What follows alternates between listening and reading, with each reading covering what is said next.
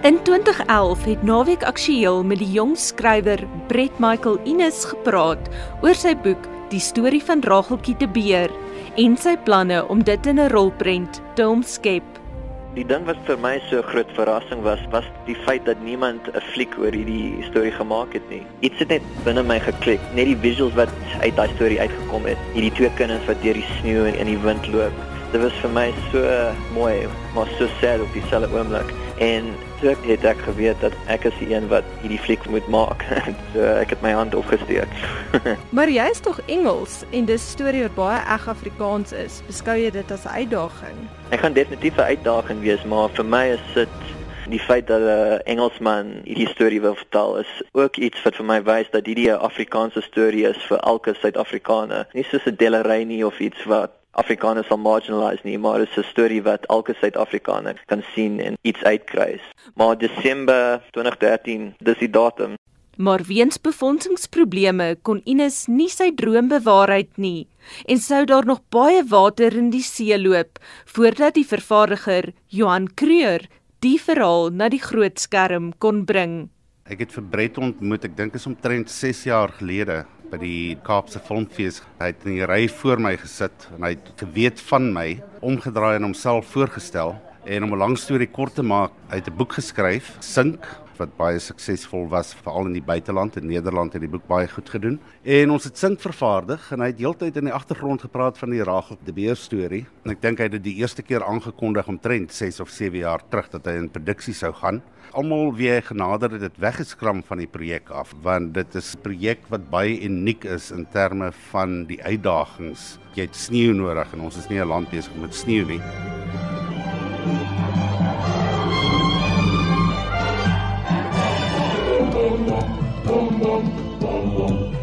Mark Kreur, wat destyds betrokke was by die suksesvolle Shaka Zulu produksie, skrik nie vir koue pampoen nie. Einde verlede jaar het ek 'n draaiboek gekry het en ek het die draaiboek gelees en dit was absoluut absoluut 'n wonderlike storie, uitstekende teks. Oë toe geknyp, gedink daaroor oor hoe om al die potensiële probleme vanuit 'n produksieoogpunt te oorkom om uiteindelik hierdie volksverhaal te vertel. 'n Volksverhaal wat van geslag tot geslag as die waarheid oorvertel is. Dog het die historiese G. Olwagen en Leo Kritzinger al telke male die egtheid daarvan betwis. Hulle glo dat Eugene Maree, wat Rageltjie se storie opgeteken het, dit op die verhaal van die 15-jarige Amerikaner Hazel Milner van Noord-Dakota gegrond het. Hoe gaan 'n mens dus te werk om hierdie verhaal op 'n eerlike wyse te vertel? Die rolprentregisseur, Matthys Boshoff Wel, die storie is belangrik want want dit is 'n universele storie en menslikheid aan ons openbaar. Jy kyk na 'n dogtertjie wat groot mens word. Jy weet, dit is iets wat jy aan 'n grootman kan vertel en hulle sal dit verstaan. Dit is dit is 'n universele menslike ervaring. En ek dink dit is regtig geseën dat dat dit bewys dat die storie nie 'n ware verhaal is nie, want dit laat ons toe om ons eie kreatiewe blik op dit te gee. Al het Ines oorspronklik die aanvoerwerk vir Rageltjie de Beer gedoen, het hy besluit om die aflosstokkie eerder aan Boshoff te oorhandig.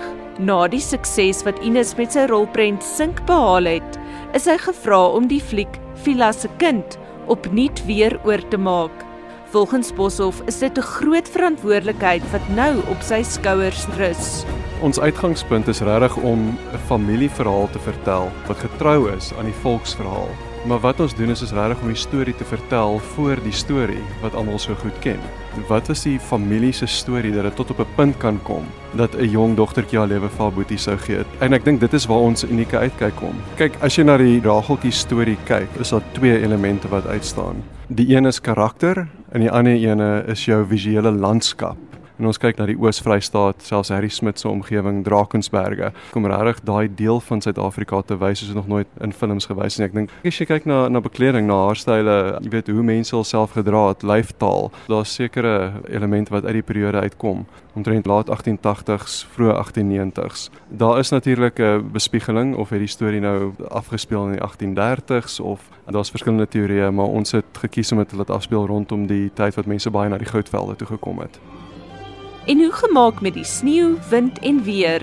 Kreer het vir alles 'n plan. Dit is nou 34 jaar wat ek die bedryf is. So wanneer jy 'n projek so uitdagend aanpak, dan kom die ondervinding wat jy opgedoen het baie handig te pas. Die beskikbare geld wat jy het om die projek te maak is wat 'n normale Suid-Afrikaanse projek sou kos maar ons het 'n periode film. Ons werk met kinders, daar is diere en natuurlik die sneeu, die storms wat die belangrikste aspek sou ek sê in die storie is. Omdat ons nie kan staatmaak op sneeu nie, moet ons dit als 'n naproduksie doen met visuele effekte. Dan wat die skedule aanbetref, werk ons met kinders. So hulle het hulle mentors nodig opstel en in terme van die arbeidswetgewing mag hulle net soveel ure 'n dag opstel wees en net soveel ure voor kamera wees. As jy nie die ondervinding het van vorige moeilike projekte geleer het om dit te oorkom nie, ek dink nie as ek daai ondervinding gehad het sou ek Rageltjie enigstens aangepak het nie die rolprentvervaardiger Johan Kreur en ek is Anne Marie Jansen van Vieren vir SAK nuus.